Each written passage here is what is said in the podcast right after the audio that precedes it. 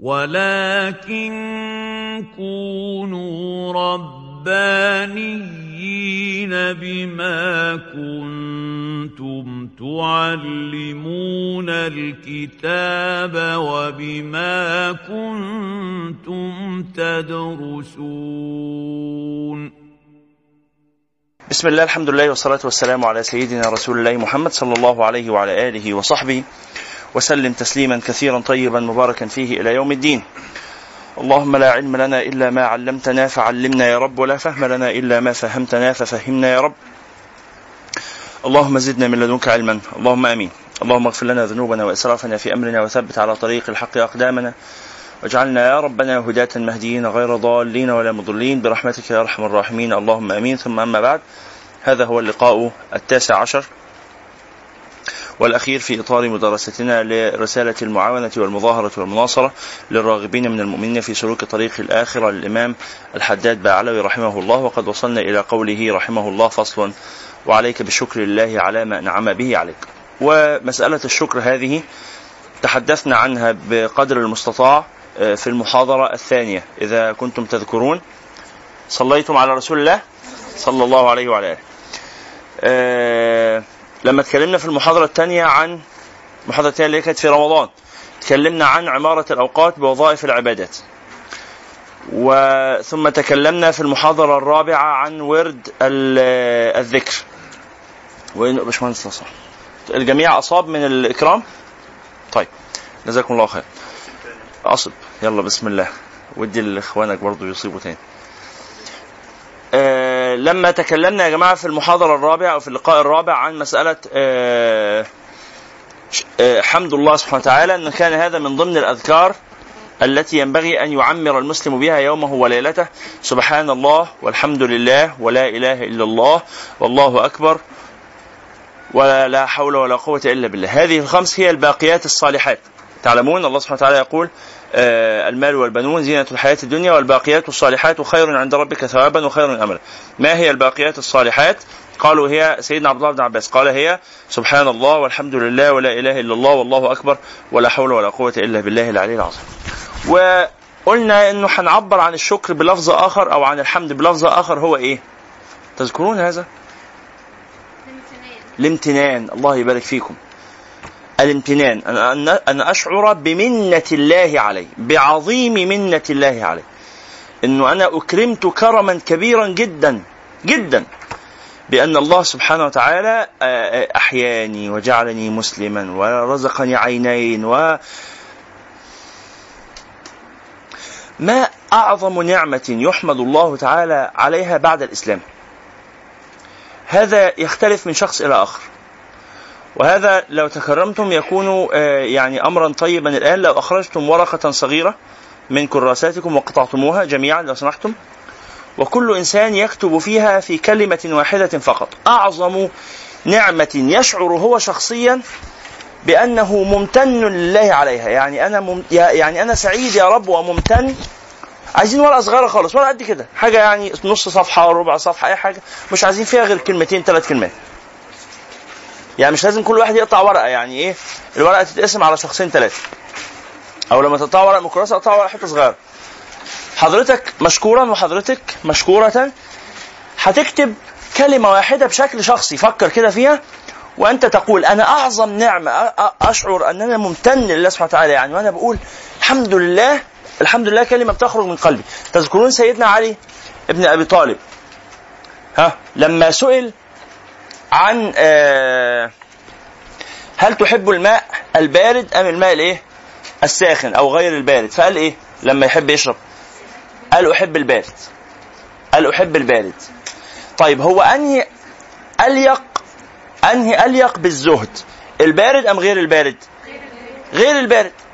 الأليق بالزهد يعني الإنسان لما يكون عايز يعني يبتعد عن متاع الدنيا ومش عايز يرفه نفسه مش عايز يعيش حياة المرفهين فالجو حر بدل ما أروح أشرب مية من الثلاجه هشرب مية من الحنفية. هتبقى طعمها مش حلو قوي بس اديني إيه اسمي بروي جسمي من من العطش وخلاص. فأنا كده اسمي بشرب عشان ما أموتش مش بشرب استمتاعا. لكن لما أشرب مية باردة ويا سلام عليها مية ورد كمان ده أنا أشربها استمتاعا. خلاص؟ فسيدنا علي لما سئل هذا السؤال قال أحب أن أشرب الماء البارد. فسائره تعجب منه. ها؟ إزاي يعني؟ فسيدنا علي كانت إجابته إيه؟ تذكرون هذا؟ حد يقول لنا كده الإجابة؟ اتفضلي. استاذه ليلى عارفة الإجابة. والأستاذة جهاد والأستاذة مريم والأستاذة رضا. مين تاني؟ والاستاذ واحد اثنين ثلاثة أربعة خمسة ستة سبعة سبعة ثمانية اللي فاكرين الإجابة. هذه إجابة كانت مهمة جدا. اللي ما كانش كتبها يبقى يكتبها واللي كتبها يبقى يفتكرها. قال أستخرج بذلك الحمد من قلبي. أو من أعماق قلبي. يعني أنا أشعر بلذة الحمد أستخرج بذلك الحمد من قلبي. يعني أنا لما بقول الحمد لله بعد شرب الماء البارد شكرا جزيلا. جزاكم الله خيرا. ربنا يبارك فيكم يا رب. الإدارة يعني منتهى أذكى جهاز مخابرات في العالم. يعني عارفين إحنا بنتكلم عن إيه ويدخلوا لنا ال... الله المستعان. طيب فأنا عندما أقول الحمد لله بعد شرب الماء البارد أو أكل مثلا الطعام الحسن أو مثلا يعني طالما هم مركزين فنقول اللي إحنا عايزين. خلاص؟ أيوه بالظبط. ماذا يحدث؟ عندما أقول الحمد لله بعد هذه النعمة بحس إنه يا الحمد لله بصدق. تذكرون هذا يا جماعة؟ طيب فلو سمحتم أنتم الآن اكتبوا هذه الكلمة. آه يعني بس لما كله يكتب الأول وبعدين نجمعوا الأوراق كده من غير ما حد يكتب اسمه طبعا. آه. يلا وجمعوا بقى الأوراق وابعتوها لي الله يخليكم. آه يعني حطوها في هذا الشيء طيب حاجة واحدة أو حاجتين ممكن يبقوا ثلاثة مفيش مشكلة بس بالترتيب يعني من الأعظم إلى الأقل. أكتر حاجتين أكتر ثلاث حاجات أنت حاسس إنه يا رب يعني أشكرك أحمدك إنك أكرمتني بهذا أنا يعني فرحان سعيد بهذا ممتن. فلما بقول الحمد لله بتخرج من قلبي صادقة تجاه هذه الأشياء. طيب بسم الله. حد بيقول كوني طالبة أزهرية. دي أعظم نعمة بتحسي بيها إنك طالبة أزهرية. طيب الحمد لله. أبي والصحبة الصالحة وخاصة صديقتي المقربة التي جعلها الله لي عونا على كل خير. حلو. هي ممتنة إن صاحبتها فلانة دي. ماشي. العلم ومعرفة الكثير من الناس على اختلافهم. فهي أعظم حاجة بتحس إن هي نعمة إن هي بتتعلم. أو هو ما أعرفش. أه حد كاتب كلمتين الأهل والعقل. أعظم نعمة إن أنا عندي أهل وإن أنا عندي عقل. حلو الحمد لله. واحد بيقول الخشوع في الصلاة والبكاء فيها. أشعر كأنها صلة جمة مع الله تقلل من صعوبة أو حاجة كده يعني كل شيء آخر. يعني هي أعظم حاجة لما بتشعر بلذة الصلاة وتبكي فيها بين يدي الله فبتخرج فرحانة بهذا. الحمد لله يا رب أن أكرمتني بشعور الاتصال بك. جيد. نعمة الصحبة والشكل الشاب. الشكل الشاب ماشي حلو. حلو. يعني معنى طيب إن شاء الله إن الواحد يحس إن هو شباب شباب شباب بالقلب مثلا. جيد. جيد والله. معنى طيب. قلنا يا أخويا الله يخليك. معنى طيب جدا معنى طيب جدا. الصحبة الصالحة آه دي الصحة معلش الصحة مش الصحبة أصلا. طيب جيد. نعمة الصحة والله فعلا. واحد بيقول لي أنا آه، حصل موقف حقيقي. بيقول لي أنا بقيت في غاية السعادة. قلت له إيه؟ قال لي الحمد لله ربنا أكرمني وعملت رجيم أو يعني حمية وأصبحت قادرا على إن أنا أوطي أربط آه، رباط الجزم. لأنه كان عنده كرش مانع. أنتوا عارفين ساعات الايه؟ يعني كده. له فوائد عند الشباب هذا يمنعك مثلا إذا نمت على جنبك من السقوط على وجهك. خلاص؟ هيعمل لك اتزان كده إنك في حاجة سنداك. زي سندات العجل كده إيه؟ يمنعك من دخول الجيش طبعا. خلاص؟ وانت بتذاكر تحط الكتاب عليه وت يعني برضو يعني له له حاجات كتيرة جيدة. على كل حال في حد بيقول النعمة أكتر حاجة بحس إن أنا ممتن بيها نفس يعني صاحب أو صاحبة السؤال آه وجودي آه عفوا الإجابة وجودي هنا الشيخ العمود. فأنا بخرج من المكان ممتن. جيد. آه حد بيقول قيام الليل والشعور بحب الصلاة إن أنا أخرج من الصلاة مستمتع أو مستمتعة. ده معنى آه عظيم جدا فهي بتشعر بهذه النعمة فيها. الحاجة الثانية بتقول صاحبتي التي تشاركني في كل شيء ربنا يخليها لك. ويسعدكم إن شاء الله. أه حد بيقول الشكل القويم والصحة دي أكتر حاجة بتسعده. ربنا يسعدكم كلكم. يعني أنا بقول الحاجات اللي بتسعدنا عشان كلنا يعني نسعد بما يسعد به الآخرون إن شاء الله. أو نحسد يعني أي مكان حد بيقول العقل أكتر حاجة ببقى سعيد بيها إن أنا بحس إن أنا عاقل. يعني ده في حد ذاته محل نظر بس يعني ده جيد على كل حال إن أنت تحسي بده أو إنك تحس بده آه، حلو. يعني ربنا يرضيك. الحمد لله. كل الناس عاجبة عاجبه عقله. ها صح ولا إيه؟ الناس متضايقة جدا من أرزاقها في كل شيء غالبا إلا في العقل. كل واحد حس إن يعني عنده نصيب من العقل ليس عند أحد. فجيد جدا إن إحنا نمتن لهذا إن الحمد لله بعرف آخد قرارات آه، بتوديني في إيه؟ في في نهايات سعيدة إن شاء الله. آه كمان حد بيقول الستر إن ربنا سترني الحمد لله. الإحساس الإحساس نعمة بدون شك بدون شك الإحساس نعمة. إن أنا بحس بالناس أو بحس أصلا. الإدراك إن أنا مدرك الأشياء من حولي وقادر أتواصل معاها. الاستمتاع والتذوق. الاستمتاع نعمة الاستمتاع. أنا بعرف أستمتع. دي في حد ذاتها نعمة. لأن ممكن يبقى عندي كل النعم بس أنا غير قادر على إني أستمتع. فأنا بعرف أستمتع. استفيدوا بده لو حبيتوا تكتبوا ملاحظات لنفسكم وتفكروا نفسكم بيها. لو لقيتوا حاجة تستاهل. آه، حد بيقول أن يجعلني الله سبب لإسعاد الناس. هو بيقول أنا بستمتع لما أكون آه، آه، مسعد يعني أو بفيد الناس إن هم يستمتعوا بوجودي. حلو. الحمد لله على أمي. ربنا يح- يحفظها. عايشة بدعائها في حياتها وبسيرتها الطيبة بعد وفاتها. ربنا يرحمها يا رب ويلحقنا بها على خير. الحمد لله على علاقتي آه، ال- الطيبة آه، وذكري بالأخلاق الطيبة وتربية أمي. الحمد لله ربنا يبارك في أمك يا رب. الحمد لله على تدبير الله لكل صغيرة وكبيرة في حياتي. يا ده حاجة يعني وجيهة قوي. تدبير الله لكل صغيرة وكبيرة في حياتي. والحمد لله على وجود شيخ العمود. الحمد لله. هذه أشياء هي تمتن بها. أختنا الأخرى أو أخونا الآخر بيمتن بالعقل. يعني واضح ناس كثيره مبسوطة بموضوع العقل ده. فده جيد. الحمد لله. هو ممتن جدا لأنه عاقل ولأن عنده صحة ولأن عنده أسرة. فربنا يخلي له عقله وصحته وأسرته ويبارك له فيهم يا رب. أو يبارك لها معرفش آه الأمان والأهل. أعظم نعمة نعمة الأمان. ولا يبدلنهم من بعد خوفهم أمنا. يعبدون لا يشركون به شيئا أعظم نعمة. و سورة قريش. الذي أطعمهم من جوع وآمنهم. تاكل وت- وتبقى آمن يعني. سبحان الله. والأهل طبعا. دفى الأهل. دفى الأهل. الله. آه، موضوع الأهل ده نعمة و... والتضحية بيهم تضحية كبيرة. وتستاهل التعويض. سيدنا النبي صلى الله عليه وسلم لما لقى واحد من الصحابة ضحى بأهله عوضه بأنه قال له أنت من أهلي. تذكرون هذا؟ آه سلمان منا آل البيت. سيدنا سلمان الفارسي ساب أهله وخرج يبحث عن دين الحق حتى وصل إلى النبي صلى الله عليه وسلم. فقعد مع النبي وحبه وسيدنا النبي صلى الله عليه وسلم كان بيلاحظ حاجة غريبة. كان يلاحظ إن الصحابة لما يقعدوا مع بعض يفضلوا يتفاخروا بأنسابهم. فواحد يقول أنا من تميم ع- أنساب العرب قبائل العرب. وأنا من قيس وأنا من آه، كلب وأنا من لخم يفضلوا يقولوا القبائل والبطون والكده وهو طب أنا تبع مين؟ يعني أنا من بلاد فارس. فبلاد فارس ما فيهاش القبائل اللي كانت عند العرب. ف فالنبي صلى الله عليه وسلم أراد أن يرفع قدره فنسبه إلى أعلى بيت من بيوت العرب وهو بيت عبد ال- المطلب. خلاص؟ من من بني هاشم. فجعله من بني هاشم. بل جعله من خيرهم.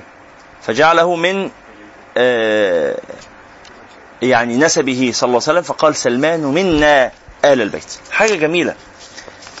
وواحد من مشايخنا كان يحبنا دايما فيقول أنتم ولادي.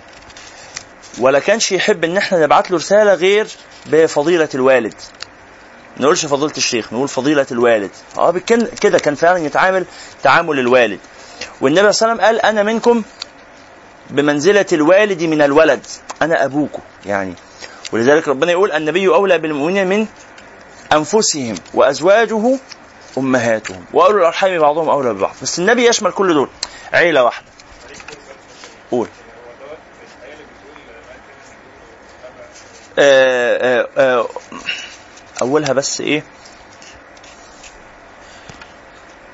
وما محمد؟ لا.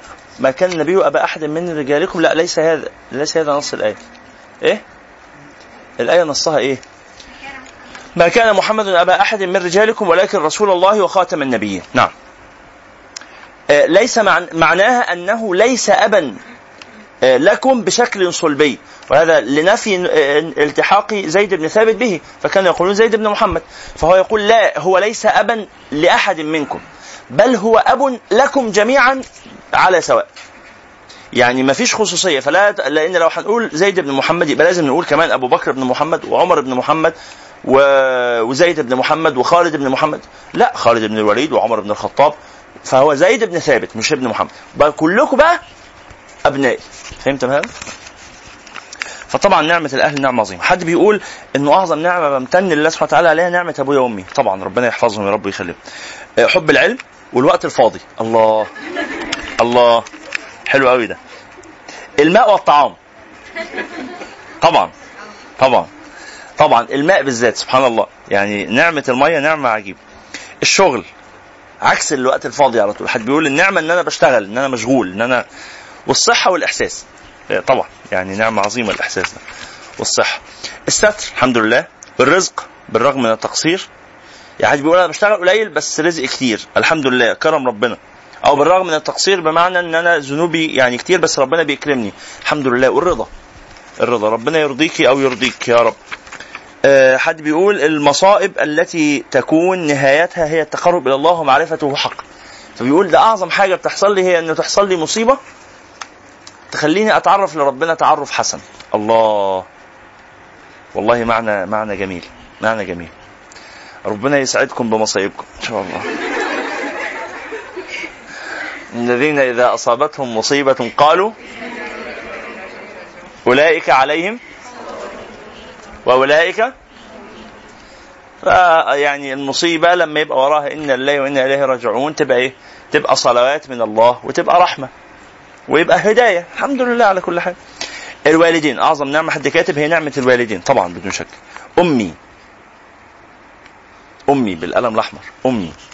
ربنا يخليها ويحفظها. ويرحم موتانا وموتى المسلمين جميعا. صلاة القيام وصلاة الفجر. يا طبعا طبعا. والصحبة بعد طول بحث. ربنا أكرمك بيهم أو أكرمك بيهم أخيرا؟ لا في قلب. أكرمك بيهم أخيرا؟ الحمد لله. ربنا يسعدك بيهم ويسعدهم بيك. يا رب يا رب تبقى انت كمان إضافة ليهم. ما يبقوش بس هم اللي إضافة ليكي. تشتغلي على نفسك إن انت كمان تبقي إضافة ليهم. أمي حد كاتب أمي؟ بس طبعا يعني شيء عظيم. نعمة حب صلاة الفجر وحضور دروس شيخ العمود. لما بصلي الفجر بحس يا شكرا يا رب الحمد لله الذي أكرمتني إن أنا قمت اصلي الفجر. طبعا. ونعمة شيخ العمود الحمد لله عليه. الحمد لله على نعمه القلب المتسامح الذي لا يحمل حقد. جيد. على أحد. والذي إذا ذكر سبب لحقد أو حسد أو غيره آه لكن آه, آه، حاجة كده لا أتذكر. آه أتذكر أن هذه الدنيا فانية. يعني كل ما تحصل مشكلة بنساها بسرعة لو ما حدش واخد منها حاجة. أذاني. طب ويحصل يعني؟ فطبعا دي نعمة ما بعدها نعمة. إن أنا قلبي لا يحمل الحقد وليس عظيم الناس من يحمل الحقد. نعم كما يقول الشاعر. الحمد لله أن ربنا وكيلي ووليي. فالحمد لله إنه بيتولاني وإنه وكيل عني فأنا مش محتاج ادبر لنفسي هو بيدبر لي. الحمد لله على نعمة القلب وما يضمره من تأنيب النفس ولومها عند الخطأ. يعني أنا لما عندي نعمة أن أنا عندي إحساس ذاتي بيخليني إذا يعني إيه أذنبت أو أخطأت أرجع فوق. طيب آه نعمة آه من النعم عظيمة حد بيشكر ربنا عليها بتقول ما كنت أهتدي لولا أن هداني الله فله الحمد حتى يرضى. آمين. نعمة الصحبة وستر الله والعلم والتعليم. جيد. أمي. أنا الورق بتاع أمي ده عايز أخده لوحده كده وإيه وأحطه جنب بعضه يعني. سابع تامن ورقة كاتبة أمي بس كده وبخط كبير. يعني شوفوا. أمي. بحجم الورق كلها. ربنا يخليها ويحفظها يا رب. آه. اللهم لك الحمد على نعمة الإسلام وعلى نبي الرحمة المهداة. جزاكم الله خير. أعظم نعمة طبعا. أهلي وشيخ العمود. ما هو أهلي هم هم شيخ العمود فإحنا كده ما قلناش جديد. بس جيد نعمة عظيمة نعمة أهلي ونعمة شيخ العمود. نعمة الصادقين. آه نعمة الإخوة الصادقين. أنا عندي آه، إخوة من إخواني أو من أخواتي صادقين معي في المحبة. جيد. ونعمة الستر. الله أكبر. الذكر. نعمة الذكر وخاصة الحمد لله. ووالدي رحمهم الله. آه اللهم ارحمهم يا رب. اللهم ارحمهم اللهم ارحمهم. بيتي وأهلي والصحبة الصالحة وشيخ العمود. الحمد لله. سمايل فيس وقلب. الحمد لله. الحمد لله. الحمد لله. الصحبة الصالحة أو الصحة وسيدنا محمد صلى الله عليه وسلم والأمن نعمة الأمن. نعم. أمي المأوى بعد اللا مأوى. جميل والله الارتباط بالأم ده حاجة حلوة. أمي الله الله. ربنا يحفظ أمهاتكم يا رب ويرحم الموتى جميعا. حب الدعوة لغير المسلمين أنا عندي تشوق وأنا إحساسي إن أنا عايز الناس تبقى كويسة ده بسطني. يعني أنا بسطني إن أنا بني آدم بسطني إن أنا مهتم بإن الناس تبقى كويسة. فده طبعا حاجة تبسط إنك بني آدم أو إنك بني آدم طبعا. إنك مهتم بهداية الناس طبعا.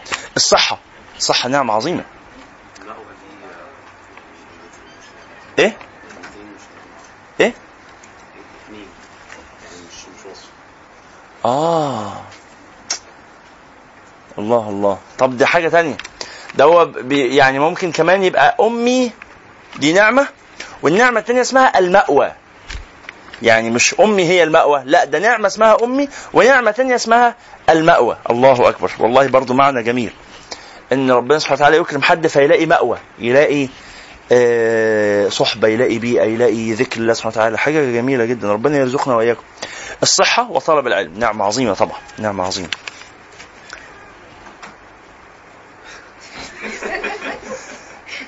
طيب آه يعني أمي والحجاب. بس الحجاب فيه معنى الستر فهي قررت تستر الكلمة يعني عملتها محجوبة.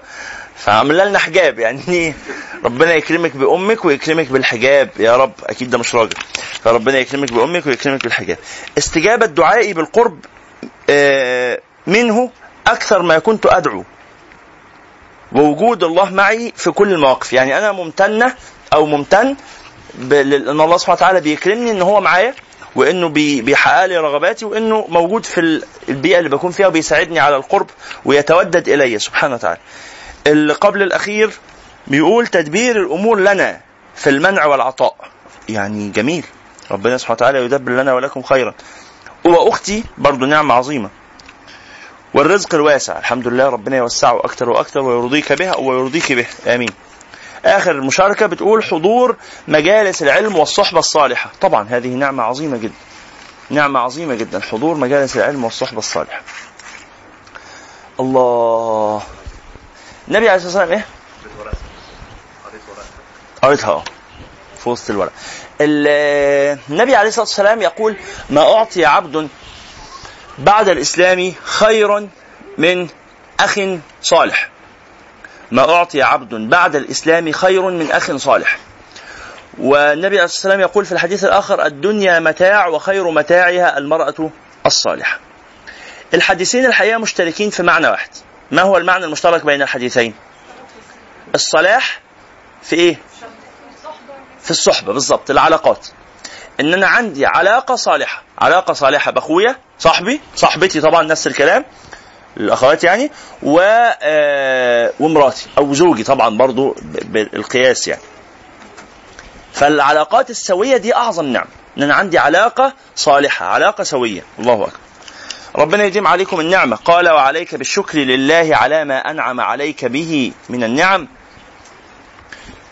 الله أكبر. وما بك من نعمة في ظاهرك وباطنك ودينك ودنياك إلا وهي من الله. قال الله سبحانه وتعالى وما بكم من نعمة فمن الله. الله أكبر. ولله عليك من النعم ما تعجز عن عده وإحصائه فضلا عن القيام بشكره. وإن تعدوا نعمة الله لا تحصوها. ولو أن الفقير المريض من الموحدين تفكر فيما لله عليه من النعم لشغله أداء شكره عن مكابدة الصبر. هذا المعنى الأخير مهم. ولو أن الفقير نشد تحتها خط كده. ولو أن الفقير المريض من الموحدين تفكر فيما لله عليه من النعمة لشغله أداء شكره عن مكابدة الصبر. ما معنى هذا؟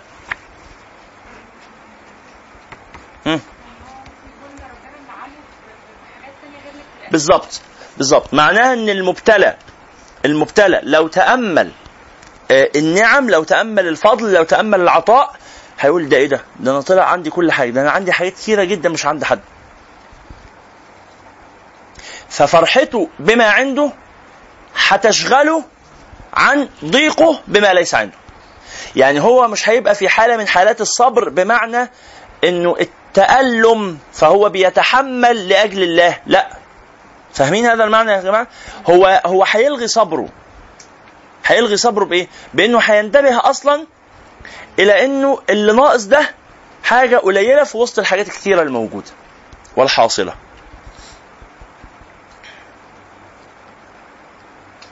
فعليك ببذل الاستطاعة في شكر ربك ثم بالاعتراف بالعجز عن القيام بما يجب عليك من شكره. يعني انت بتعمل اللي عليك كله وبعدين تقول والله ده اللي أقدر عليه. أرأيت ولله تعالى المثل الأعلى؟ لو إنه مثلا وزير التربية والتعليم ولا وزير الصحة ولا أي حاجة توسط لك وتدخل من أجل علاج أحد مرضاك مثلا على نفقة الدولة. هذا العلاج يتكلف كم؟ يتكلف مثلا نحو آه، نص مليون جنيه. والحكومة أو الوزارة بسبب تدخل هذا الإنسان يعني إيه أكرموك أو أكرموا أحد والديك. ما حدش يقول لي بقى طب لا ده حقي ومش حقي. أنا بتكلم على الشعور الحقيقي اللي حصل. بلاش الوزير لأن فعلا إحنا ده حقنا إن إحنا نتعالج. لكن خلينا نقول حد مش وزير راجل غني صاحب مصانع ولا كده وشركات. مش واجب عليه إن هو يعالج والدتك. أنت موظف في الشركة.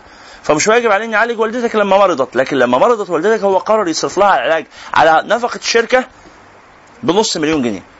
أنت هتشعر تجاه هذا المدير أو هذا الرجل الغني بمشاعر امتنان هائلة. هتخليك كل ما تقابله تقول له يا حاج والله أنا مش عارف أودي وشي منك فين. جمايلك مغرقاني. مش كده ولا إيه؟ تقول له لحم كتافي من من خيرك. تقول له ربنا يخليك لينا. تقول له والله العظيم ضمي بتدعي لك. تفضل تقول هذه المعاني. طيب هل تستطيع إنك تعوض هذا الإنسان عما فقد؟ هو ادالك نص مليون جنيه. وأنت مرتبك في الشهر ألف ولا ألف ونص؟ وهو أكرمك وأنعم عليك بنص مليون جنيه. أنت لا تستطيع أن تعوضه عن النعمة. لكن انت بتعمل إيه؟ بتبذل كل ما تستطيع بذله من أجل من أجل خدمة الشركة، صح ولا إيه؟ ولو لقيت حد مثلا جه يسرق من الشركة ولا من المصنع انت هتشعر بغضب كأنه بيسرق من مالك الشخصي، صح ولا إيه؟ رغم انه مش مالك. في الآخر انت مجرد موظف، انت أمين وكل حاجة، بس الأمانة تدفعك إلى إنك تعمل اللي عليك إحنا بنتكلم هنا على حالة مختلفة عن مجرد إنك تعمل اللي عليك أنتوا معايا مركزين انت هنا بتعمل شيء زائد اللي هو الايه الشعور لا آه. ها فلوس الحج ما تتخذش. ليه فلوس الحج ما تتخذش؟ لأنك تعلم أن فضل هذا الرجل عليك عظيم وأنت لا تستطيع أن توفيه فضله لكنك تحاول ما استطعت. وتفضل مهما اشتغلت ومهما بذلت ومهما ومهما عملت تفضل حاسس إنه إيه؟ هو اللي ليه الفضل؟ ربنا يخليه لنا حسه في الدنيا. من غيره كان زمان أمي ما عرفتش تتعالج. من غيره أنا لما لقاني بتجوز قام جه ادالي شقة هدية وقال لي عشان أنت غلبان ومش هتعرف تسكن ما عندكش شقة تسكن فيها وهتأجر وغالي عليك الايجار وأنت مرتبك ضعيف. خد شقة من من الشقق هدية. فهمتوا هذا المعنى؟ فكل لما أبذل أكتر أنا مثلا عمال بعمل إيه؟ بشكره وهو رايح وهو جاي مجرد شكر كلمات بسيطة كل لما أشكره يقوم يديني فلوس. يقوم يطبطب عليا ويبتسم. يقوم يسألني عن أحوالي يقوم يسألني عن ابني وعمل إيه في الدراسة. التعامل الحسن ده منه رغم إن هو مش محتاج لي ده أنا مجرد موظف صغير في الشركة ولا بتاع حسابات ولا بتاع موارد بشرية اي أي شغلانة ولا بتاع أمن حتى على الباب ولا عامل نظافة ولا حتى مدير في الشركة. بس في الآخر هو صاحب المال. تفهمون هذا المعنى يا إخواني؟ فأنا كلما شكرته كلما أكرمني. فيفضل شكري أقل من كرمه. يفضل شكري أقل من كرمه. فأنا يبقى عندي يأس من مجازاته لكن بيبقى عندي محاولة للشكر بقدر المستطاع. هذا أذان العشاء. طيب نكمل بعد الأذان. الله أكبر الله أكبر. قال واعلم أن الشكر سبب لإبقاء النعم الموجودة ووسيلة إلى حصول النعم المفقودة. قال الله تعالى لئن شكرتم لأزيدنكم. اشتغل أنت بس شغلك كويس وأنا هزود لك المرتب. ولله المثل الأعلى. اعمل بس اللي عليك كده وريني شطارتك وإن شاء الله إيه أمورك هتتعدل. فأنا ببقى مبسوط قوي إن هو أصلا أكرمني بالشغلانة بدل بعد ما أنا كنت عاطل ومرمي في الشارع فهو تعطف عليا واداني الوظيفة دي وبعدين قال لي كمان ده أنت لو اشتغلت كويس هكافئك. يعني كتر خير. اتفضلي. ولله المثل الأعلى.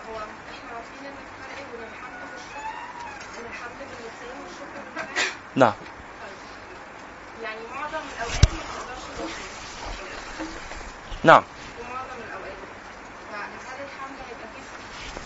أرجو أن حضراتكم تتوقفوا عن إرسال الأسئلة الورقية لأنه لا يعني عندي عدد كبير منها لا أستطيع أن أجيب عن ذلك اليوم علشان ننتهي من الكتاب فبارك الله فيكم. يا أستاذة آه، رضوى الواجب علي هو البذل بقدر الاستطاعة. يعني أنا هحاول بكل ما أستطيع نفس المثال بتاع الراجل اللي اداني نص مليون جنيه ده في ال- في الشركة أنا ما عنديش حاجة أعملها غير إني أقول له شكرا. وربنا يكرمك يا حاج وكتر خيرك يا حاج وكلام زي كده. بس أول ما تيجي فرصة أنا قاعد فاضي هعمل إيه؟ هعدي عليه عايز كوباية شاي يا حاج؟ ها عايز حاجة؟ تحب أعمل لك أي حاجة؟ فأنا عارف إن هو بيحب مثلا إن عربيته تتغسل هو عارف أنا عارف كده هعمل إيه؟ هنزل أغسل العربية أنا عارف إن هو بيحب مثلا آه إن حد يشغل بخور يولع بخور في المكتب عشان بيحب ريحة البخور. هقوم أولع بخور وأقعد أتخانق مع الناس. يا جماعة ما بتشغلوش بخور ليه؟ الحاج بيحب البخور. رغم إن أنا ما بحبوش بس مش مهم أنا أحب إيه المهم إن هو يبقى مبسوط. ولله المثل الأعلى. الله سبحانه وتعالى نحن نعلم أنه يحب أشياء فأفعلها بقدر الاستطاعة. وإلا يبقى أنا مش حاسس بالنعمة بقى. وإلا يبقى أنا مش عايز أشكر فعلا. كل ما يدخل تحت استطاعتي أجتهد فيه بقدر الطاقة. لكن الحج برضه أنا عارف إنه بيحب حاجات أنا ما أقدرش عليها. ما أقدرش اخلي حياتي كلها برضو يعني مهما اداني نعمة غصب عني ظروفي وامكانياتي رغم اني بحبه جدا بس ظروفي وامكانياتي ما تسمحليش ان أنا اقعد معاه ليل ونهار اخدمه. فهمتوا المسألة؟ فهو برضو كرم منه ان هو بيقول لي لا أنا مش عايز منك غير الثمان ساعات الشيفت بتاع شغلك بس بعد كده وقتك بتاعك. فربنا سبحانه وتعالى لله المثل الأعلى قال لي أنا عايز منك آه، الخمس صلوات في اليوم وشوية نوافل على قد ما تقدر. حاضر يا رب. لو أنا أقعد بقى أقدر أقعد في الشغل أكتر من 8 ساعات أخليهم تسعة أخليهم عشرة بس من غير ما أتأخر على أمي لأنه برضه الحاج عايزني أروح لأمي أخد بالي منها الست الغلبانة المريضة. يا جماعة والله المثل الأعلى أنا عمال أقول المثال ده أكمله بس عشان يقرب لنا المثل. فأنا أعلم ما الذي يريده الله مني.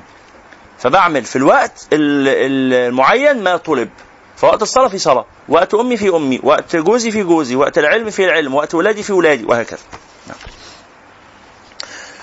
قال آه، والله تعالى أكرم من أن ينزع نعم نعمه عن شاكر. يعني واحد ممتثل للحمد والشكر. الله سبحانه وتعالى لا ينزع النعمة عنه. فعليك ببذل الاستطاعة في شكر ربك ثم بالاعتراف بالعجز عن القيام بما يجب عليك من شكره. واعلم أن الشكر سبب لإبقاء النعم الموجودة. عفوا. استغفر الله. قال الله تعالى ذلك بأن الله لم يكن مغيرا نعمة أنعمها على قوم حتى يغيروا ما بأنفسهم. ما الذي يغيروه بأنفسهم؟ قال أي بترك الشكر عليها. يعني النعمة حاصلة. متى تتغير النعمة؟ إذا تغير حال العبد. إيه هو تغير حال العبد؟ توقف الشكر. أنت لما تحصل لك النعمة النعمة وهي جديدة بتبقى إيه؟ مبهجة لجدتها. صح ولا إيه؟ حاجة لسه نعمة جاية لي جديدة. أنا لسه أول مرة ربنا أكرمني الحمد لله. بدل ما كنت قاعد في شقة وحشة مثلا ربنا أكرمني ورحت لشقة أوسع شوية. فأبقى فرحان قوي بالشقة الجديدة ربنا أكرمني الحمد لله وهدومي اللي كانت متبهدلة دي ربنا أكرمني قدرت أشتري طقم جديد. فأبقى فرحان بالطقم الجديد. بس بعد شوية إيه؟ يوم يومين يتحول لعادي. إيه؟ المبذول مملول. بالظبط. ما هو موجود على طول. فخلاص أزهق منه. أزهق منه كده معناها إيه؟ أنا نسيت نعمة الله علي فيها. بطل يبقى بالنسبة لي حاجة مهمة. أنا مش بقول النعم تبقى حاجة مهمة عشان عشان نعبد النعم. أستغفر الله ونعوذ بالله من عبادة غيره ولكن إحنا نفضل فاكرين النعم مهمة عشان ده ربنا اللي جايبها لي. ولله المثل الأعلى لما يبقى واحد خاطب ولا مخطوبة ولا بتاع ممكن يبقى عندها هدايا كثيرة جدا.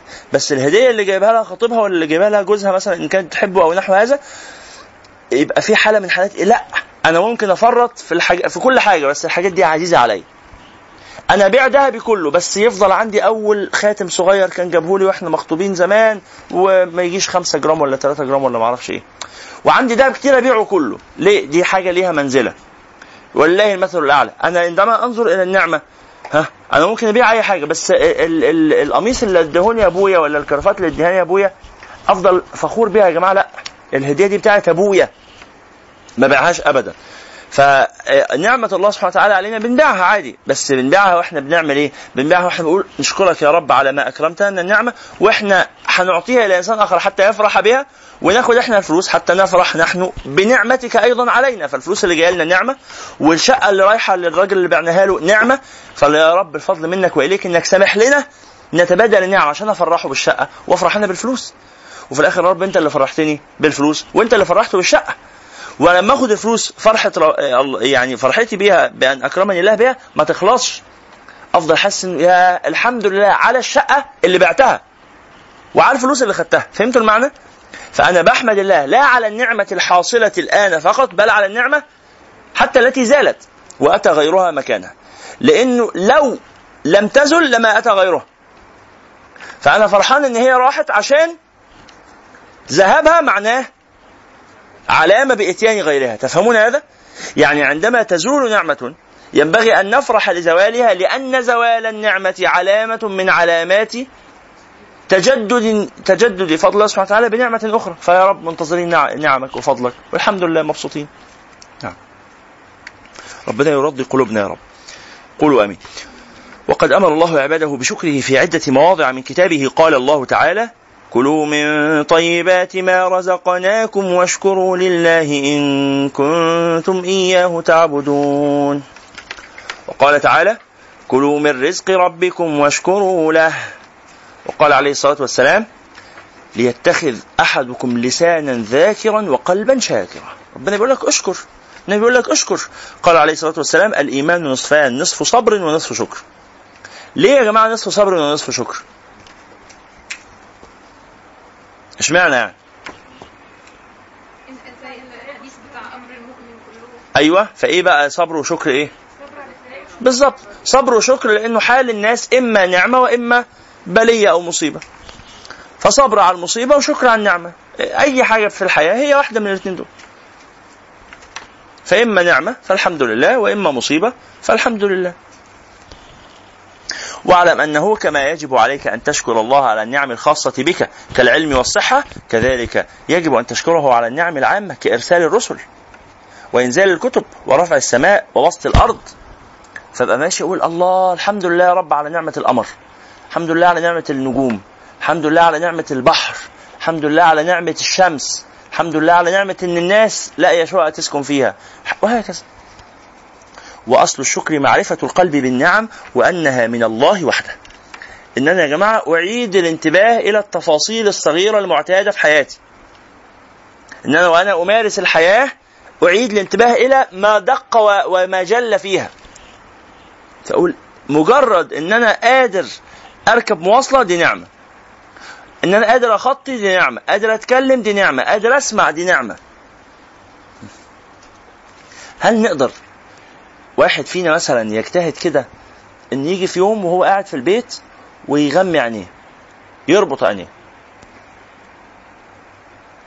ويبقى على هذا الحال يوم كامل.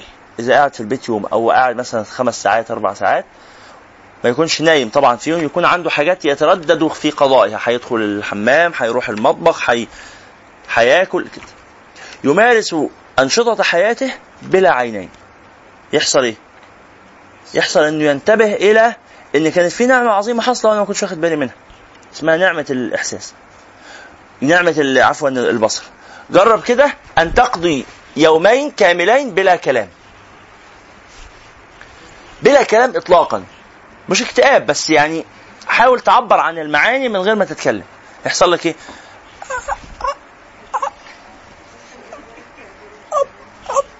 كده ها؟ إيه إيه المعنى ده؟ ها الإنسان اللي جواه معاني مش قادر يطلعها. آه ياه ده حاجة جميلة إن أنا دلوقتي أهو قادر أتكلم والكلام خارج سلس كده و... ولما أقابل صاحبي أقول له أنت وحشتني والحمد لله على السلامة. مش لما أقابله كده مش عارف أعبر له. فهمتوا هذا؟ ها؟ جربت الموضوع ده؟ احكي لنا. فانت يعني قعدت في مكان ما اخرجش منه ها أخونا الكريم جرب إن هو يقعد في مكان ما يخرجش منه علشان يشعر بنعمة الحرية. والله أمر حسن. أمر حسن. طبعا. طبعا. الله المستعان عليه تكلان ما يشاء الله كان. قال وأصل الشكر معرفة القلب بالنعم. اللي هي إيه؟ قلنا. لو تتكرموا كده نكتب هنا في الهامش إعادة الانتباه إلى التفاصيل الصغيرة اليومية في الحياة.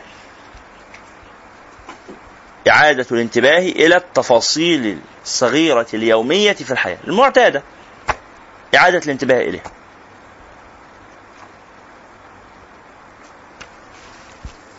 الله سبحانه وتعالى أكرمنا بأنه مثلا في أجزاء من جسمنا تنمو ولا تشعر. وأجزاء تنمو وتشعر. الآن الشعر والأظافر. هذه تنمو أم لا تنمو؟ تتغذى أم لا تتغذى؟ ولذلك لما الإنسان يبقى جسمه ضعيف شعره يضعف. صح ولا إيه؟ يتقصف بقى والبنات عارفين المسألة دي. ولما يبقى آه، لا صحته كويسة الحمد لله ممكن يبقى شعره جيد. فالشعر بيتغذى وفيه خلايا وحاجات كده. طيب هو يتغذى. هل يشعر؟ ما فيهوش آه، أعصاب حس. الشعر ما فيهوش آه، مشاعر حس. الأظافر لا تشعر. لو إنه الشعر فيه شعور لو ان الإحساس لو إنه الأظافر فيها إحساس كان هيبقى مشوار الحلاق محتاج عملية جراحية. عملية جراحية إنه إيه ما يجتمع مجموعة من الدكاترة يلا يا جماعة عشان هنقص للراجل شعره. طبيب تخدير وطبيب كده عشان آه، ما شعري بيؤلمني جدا في حس. لما أجي أقص ضوافري الأظافر تشعر. فتخيل تخيل لو أنت صوابعك بتطول. يعني لو أنت كل أسبوعين ثلاثة بتحتاج تقص صابعك مش تقص ضوافرك تقلم صابعك خلاص أنا يعني بقالي كتير قوي ما قصيتهمش. هعمل إيه؟ هروح المستشفى يعملوا لي عملية عملية تقليم أظافر آه، تقليم أصابع. مش كده ولا إيه؟ فرحمة ربنا إن يخلي الصباع ثابت ما بيطولش. ينمو ذاتيا. أنتوا عارفين إن بي- بينمو يعني في خلية تتولد وخلية تموت. شغال بس في مكان. والأظافر جنبه على طول لازقة فيه هي اللي تطول. قوم أنت لما تقصها تقصها بالراحة كده بسهولة ما تواجهكش مشكلة. فوانت بتقص الأظافر يا إيه ده الحمد لله ده أنا بعرف أقصها من غير ما تبقى مشكلة. والحمد لله برضو في وقت تاني ما بقصهاش ما بتتكسرش بتنمو. عشان ببقى محتاج لها مثلا أخربش حد أعمل كده. أيوه ولذلك يقولوا في الحرب يكره قص الأظافر. في الحرب يكره قص الأظافر. ليه؟ هتحتاج لها عشان تفك حبل مثلا انت في في خيمة ولا في الصحراء بتاع محتاج تفك حبل. لازم يبقى عندك أظافر. خلاص. فالحمد لله يا رب إن أنا لا إنك سامح لنا إن الأظافر تطول عشان نقدر نستخدمها.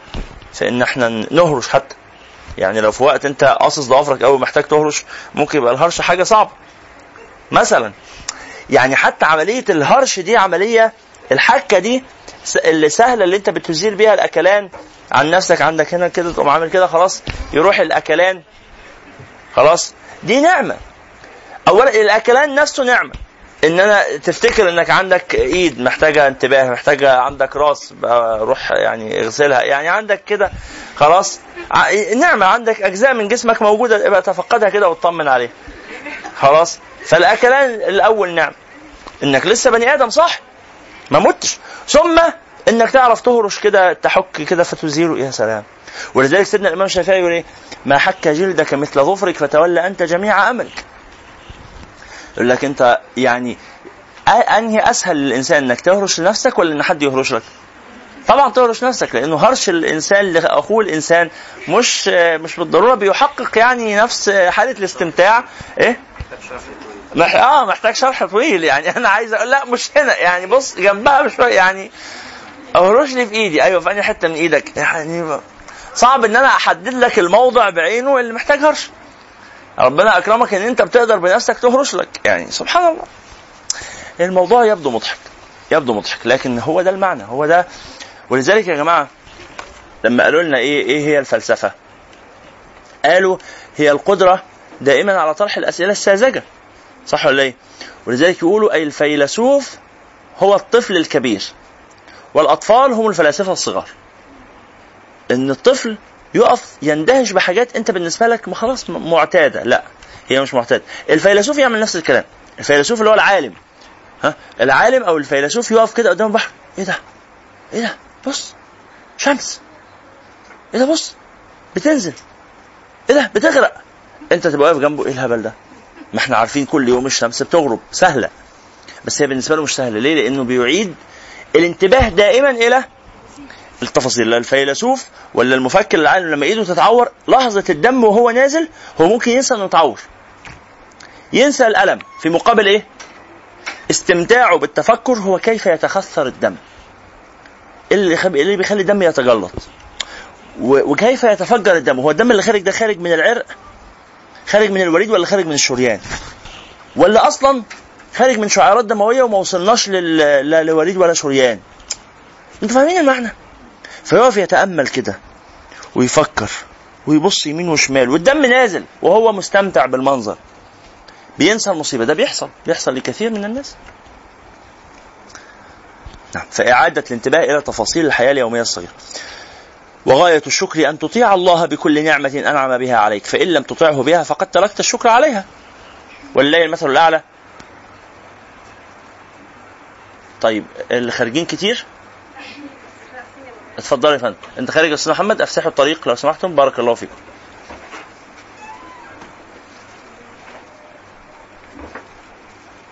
بارك الله فيكم. إخوانكم كان عندهم اجتماع. شكرا. طيب. صلينا على رسول الله صلى الله عليه وعلى, وعلى آله. يبقى ولله المثل الأعلى المثال بتاع الحج اللي, اللي ربنا يكرمه عالج أمي على حسابه. ده بعد ما عالج أمي عمل معايا حاجة تانية عظيمة قوي. اداني عربية هدية وقال لي العربية دي عشان الحاجة تقضي مشاورها بيها وبتاع.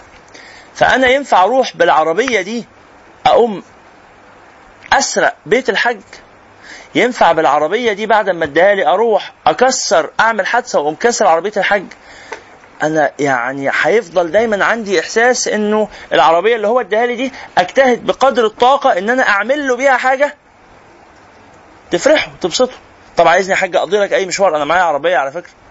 ها؟ عايز أي حاجة أعملها لك؟ طب ما هو اللي مديني العربية بس أنا هبقى عايز أستخدمها في رضاه في رضاه عشان هو لو رضي ممكن إيه؟ يسحب مني العربية ويديني عربية أحسن. واضح ولا إيه؟ لكن لما أروح بالعربية دي أو ما أقول له إيه؟ على فكرة بقى أنت مالكش عندي إيه حاجة وغور من وش السعادي وأنا هاخد العربية وأنزل أتفسح بيها. طيب. افرح انت بعربيتك بس أصلا تطلع العربية هو اداها لي أنا بستعملها وبسوقها لكن هي باسمه. فهيعمل إيه؟ هيقوم يبلغ الشرطة فورا ويجوا يقبضوا عليا ويسحبوا العربية العربية مش بتاعتي. العربية ده هو مديها لي. أنا اللي نسيت من كتر ما ركبتها بركب العربية بقالي سنتين ثلاثة وحسيت من كتر ما الحاج بيدلعني إن أنا واحد من عياله. لا. فوقه. وقالت اليهود والنصارى نحن أبناء الله وأحباؤه. قل فلما يعذبكم بذنوبكم. انت نسيت نفسك يا يهبل انت هو. بل أنتم بشر ممن خلق. مش كده ولا إيه؟ بشر ممن خلق. آه في وسط الناس. في وسط الناس مجرد يعني كائنات كده ملهاش قيمة. نحن أبناء الله. انت نسيت نفسك. هو عشان أنعم عليك وكرمك وفضلك وقال لك تعالى وما تخافش والشغل كويس وانت في عينيا ولو عندك أي مشكلة ابقى تعالى لي. وادالك مكانة. إن في حراس دايما واقفين على الباب بس هو الله سبحانه وتعالى قال لهم أو يعني والله المثل الأعلى الحج ده اللي في الشركة قال لهم لما يجي الأستاذ محمد سامح أول ما يجي الأستاذ سامح فورا افتحوا الباب ودخلوه ما يستأذنش فالحالة دي عملت لك حالة حالة, حالة من حالات الإيه؟ الغرور فاهمين هذا؟ حالة من حالات الغرور إنك في أي لحظة تقوم رايح تزق الباب برجلك بعد ما كنت في الأول بتدخل مؤدب وموطي دماغك كده تقول لهم بعد إذنكم بس استأذنوا الحاج ويدخلوا يستأذنوه وتفضل قاعد مستني نص ساعة وكده. بعد شوية بقيت تدخل أنا داخل للحج. شوفوا لو في لو هو فاضي. بعد شوية تدخل من غير ما تقول حاجة وتقوم فاتح الباب وداخل. بعد شوية تقوم رازع الباب برجلك. لما توصل إلى هذه المرحلة من التبجح لا أنت تتأدب بقى. لا أنت نسيت نفسك. لا أنت ترجع تترمي في الشارع تاني رمية الكلاب. ولله المثل الأعلى. خلاص؟ وإن عصيته فقد وقعت في الكفران. ليه وقعت في الكفران؟ لأنك نسيت أنه المنعم. لأنك نسيت إذا عصيت الله بنعمه فهذا معناه أنك نسيت أنه المنعم. فظننت أن النعمة لك إنما أوتيته على علم عندي. ده بسببي أنا. بل هي فتنة. بل هي فتنة يا مغفل. بل هي فتنة يا غافل. بل هي فتنة يا مغرور. فتنة. ولكن أكثر الناس لا يعلمون. فما الذي يجعل الإنسان يعصي الله بنعمة الله أنه ينسى أنها نعمة الله؟ فيفكر إن هي من حقه وإن هي ملكه وإن هي بتاعته وإن هي بسببه. وإن عصيته نسأل الله السلامة. بها فقد وقعت في الكفران وعنده تتبدل النعم بالنقم. ومن بقيت عليه نعمة مع عصيانه لله بها فهو مستدرج. فهو مستدرج. يعني يعني وأملي لهم إن كيدي متين. سيبه الواد ده بيستهبل كده وعمال يتنطط وبتاع مفكر إن هو يعني بالحركات الخايبة اللي بيعملها دي. هينافسني في السوق. مفكر بالحاجات العبيطة اللي هو بيعملها دي إن هو كده هيضرني. أنا بس إيه محضر له التقيل ورا. خليه يعلى يعلى يعلى عشان لما ينزل ينزل على جدور رقبته. صح ولا إيه؟ مش ده المستخدم يا جماعة؟ ولا إيه المثل الأعلى؟ خليه يعلى. بس كل ما يعلى أكتر كل ما نخاف عليه أكتر. صح ولا إيه؟ كل ما نشوفه بيعلى وإحنا عارفين من بره كده عارفين ترتيب الحج صاحب الشركة ليه كل ما نلاقيه يعلي كل ما نقول الواد ده أخرته مطينة. مش كده ولا إيه؟ لأن الواد لو هايف وصغير كده وعلى الباب وعمل مشكلة الحاج هيعمل إيه؟ هيطرده مشوه هات واحد غيره. لكن لا لما تبقى مدير الشركة وتسرق ولا تاخد الأسرار بتاع ده إحنا هن نرتب لك مصيبة تطلع من دماغك. فاحنا نشفق عليه. فهمتوا هذا؟ ولا لا المثل الأعلى؟ سنستدرجهم من حيث لا يعلمون. مش هم مش واخدين بالهم. مفكرين إن هم كده إيه؟ آه فأما الإنسان إذا ابتلاه ربه فأكرمه ونعمه فيقول ربي اكرمن إن هم كده في نعمة. لا ده ربنا بيحبني قوي مش كده؟ مش الراجل قال كده في القرآن؟ قال إيه؟ الراجل اللي قال ربنا بيحبني ده. فاكرينه؟ واحد في القرآن بيقول ربنا بيحبني. ها. أيوه. سورة الكهف مظبوط. قال الراجل إيه؟ صاحب الجنتين صح؟ قال إيه؟ أيوه. قال إيه بقى؟ ولئن رددت إلى ربي لأجدن خيرا ربنا بيحبني. ده أنا بس هروح له هلاقي عنده يا حاجات بقى تتخيلها وما تتخيلهاش. ربنا بيحبني. لأجدن خيرا منها منقلب. قال له صاحبه وهو أكفرت؟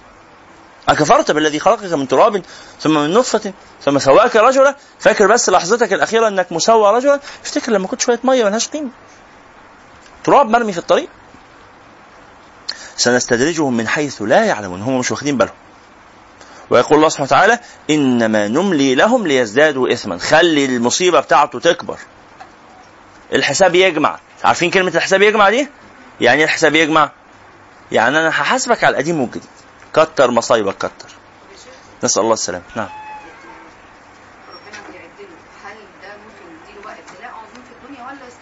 الله أعلم في الدنيا وفي الآخرة. ده بالعكس ده لو جات له في الدنيا يبقى أحسن له. يبقى عارفة يا أستاذة ولله المثل الأعلى. نفس مثال الحج ده صاحب الشركة لو هنكمل عليه. الحج صاحب الشركة لو بعت للراجل ال- الواد الحرامي ده لو بعت له موظفين من الشركة ياخدوا الفلوس منه كلها ويرجعوها لحساب الشركة. هو كده أكرمه رحمه ولا كده عذبه؟ رحمه صح؟ لأن ال- الحقيقة هو المفروض كان هيعمل إيه؟ الطبيعي. كان هيسيبه لما يجمع الحاجات دي كلها وبعدين آه يسيبه بقى لما يتم القبض عليه ويزج بيه في السجن والحاجات هتتاخد منه برضه. هي كده كده هتتاخد منه. بس لما اخدها منك في الدنيا وانت لسه على البر قبل ما تروح النيابة قبل ما يمسكوك المباحث أنا كده أكرمتك. رغم إني اخدت منك الحاجات بس أنا كده أكرمتك. وأما إذا ما ابتلاه فقدر عليه رزقه. فيقول ربي اهانا. يا ابني لا أنت مش مهان بالعكس ده أنت مكرم. ليه؟ لأنه لو سابك لغاية لما النيابة جت افترض كده المباحث راحت تقبض بقى على الراجل فبصوا كده ما لقوش عنده من أموال الشركة المسروقة شيء. هيعملوا إيه؟ هيسيبوه. مش كده ولا إيه؟ والله المثل الأعلى. يأتي العذاب يوم القيامة فإذا بالإنسان قد استوفى عذابه في الدنيا خلاص. يبقى ارتاح. ارتاح قبل ما يدخل للنيابة وقبل ما يدخل للمباحث وقبل ما يدخل لل... للناس اللي وحشين دول. فولله المثل الأعلى. ولله المثل الأعلى. ولملائكته المثل الأعلى. انه كرم الله سبحانه وتعالى عليه إنه يخلص له في الدنيا أول بأول. ها؟ فييجوا بتوع المباحث يقبضوا عليه ما يلاقوش حاجة. بتوع ال- ال- ال- كده وهكذا. ولذلك النبي عليه الصلاة والسلام يقول إن الله تعالى ليملي للظالم. ليملي للظالم حتى إذا أخذه لم يفلته. لم يفلته. ها. فاكرين عندنا أغنية كده في مصر قديمة بتقول المعنى ده. ولابد من يوم معلوم. تذكرون هذا؟ نعم. إيه؟ نعم. كان مسلسل ذئاب الجبل. ذئاب الجبل. ولابد من يوم معلوم تترد فيه المظالم أبيض على كل مظلوم وأسود على كل ظالم. ومهما كان اللي غشك يطير مسيرك لعشك. تذكر هذا؟ كان مسلسل طيب اتعمل 14 حلقة كان. فقط مش 30 14 حلقة كان. وقلب الدنيا. معناه معانيه طيبة يعني. هو ده آخر مسلسل كان الممثلين فيه بيتكلموا صعيدي بجد. كل اللي بعده اللي بيتكلموا صعيدي بيقلدوا الصعايدة اللي في المسلسل ده مش الصعايدة الحقيقيين. مالك يا ولد إيه؟ ها؟ يفضلوا يقولوا حاجات كده يعوجوا بقهم بيها يفكروها صعيدي. لا ما كان مش صعيدي حقيقي. كان عبد الله غيث وحمدي غيث الله يرحمهم تاريخ. ومن الشكر أهو ده والله هذا مسلسل من النعم بر. من النعم من النعم وغيره ومن الشكر كثرة الثناء على الله والفرح بنعمة الله من حيث إنها وسيلة إلى نيل القرب من الله أو من حيث إنها دالة على عناية الله بعبده. ومن الشكر تعظيم النعمة وإن كانت صغيرة، فاكرين لسه كاتبين في الصفحة اللي قبلها. إعادة الانتباه إلى تفاصيل الحياة اليومية الصغيرة. يروى عن عبد الله يروى عن الله تعالى أنه قال لبعض أنبيائه إذا سقت إليك حبة مسوسة فاعلم أني قد ذكرتك بها فاشكرني عليها. يعني مجرد إنك تجي لك حاجة هبلة قوي كده وهايفة معناها إيه؟ هي في الآخر جات لك منين؟ من ربنا من ربنا ولله المثل الأعلى نفس مثال الحج لو الحج جه في يوم كده وقام باعت لك بونبونايه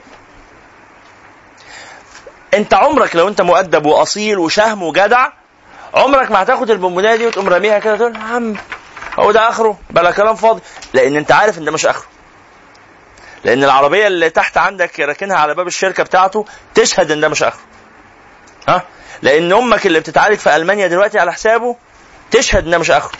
بس يد لما بعت لك بونبونيه ده بيلعبك. فاهمين المعنى؟ يد ده, ده بينغشك. تقوم لما تمسك البونبونيه وبعدين تفتح البونبونيه تلاقيها فاضية. بقى كده يا حاج. طب ده أنا كنت جعان. معلش خيرك سابق. وتستحمل الجوع. مش كده ولا إيه؟ تستحمل الجوع. لأنك فاكر ده, ده دافع نص مليون جنيه لأمي. طب هو عارف إنه جعان وسايبني جعان ليه؟ أكيد هو أدرى بقى ما أعرفش. فتقوم داخل له إيه؟ تقول له بقى دي ده بقى ده دي حركة تعملها يا حاج. مقبولة. وتضحك. ها؟ ما تاخدهاش بغشومية. ما تتنحش. ما تقولوش ما بلعبش معاك أنا. ما تقولوش أنا عايز آكل. إيه بقى؟ ما ما تشغلونا عدل وتأكلونا عدل وتعيشونا عدل يا تمشونا. ما يمشيك. ويعجزه شيء لما يمشيك. ما هو عنده 6000 موظف 7000 10000 موظف زيك يا فصل. عنده موظفين كتير. والله مثلا عنده موظفين كتير. يد لما يبعت لك البتاع ال ال ال ال ال إيه دي؟ البونبونيه اللي جواها نمل. ده بيهزر معاك. فتقوم انت لما تاكل تاخد البونبونيه دي تفرح. فهمتوا المعنى؟ إن هو افتكر في وسط مشغولياته. الراجل بيتكلم في صفقات في مليارات. الراجل جاي من اجتماع مع من رئاسة الوزراء دلوقتي وأول ما جه من الاجتماع بتاع رئاسة الوزراء قال ابعتوا للواد ده بونبوناية. أمال أنا البونبوناية اللي تجيلي دي أحس إن هي إيه؟ ده افتكرني. ده أنا ليا مكانة. لكن أطحان شص عارفين أطحان شص واحد من مشايخنا كان بيقول لي كده. يقول لي بص الحنشصه الفرخة بتا... الفرخة بتاعتك دي كنا بنذاكر أصول. يعني العفو أستغفر الله. يعني الشيخ بيشرح لي أصول. فكنت بروح للشيخ بيته يعني لوحدي كده كنت أقعد معاه من مثلا المغرب أو من العصر إلى الفجر. ولا كانش يسيب نخرج غير الفجر وأنا أحس إن أنا أثقلت على الشيخ والشيخ عينه احمرت. ولكن كان يفضل إيه يلا طب نقرأ شوية كمان. طب نذاكر. طب كده. وأنا كنت بجادل وناقش نقاشات يعني غلسة.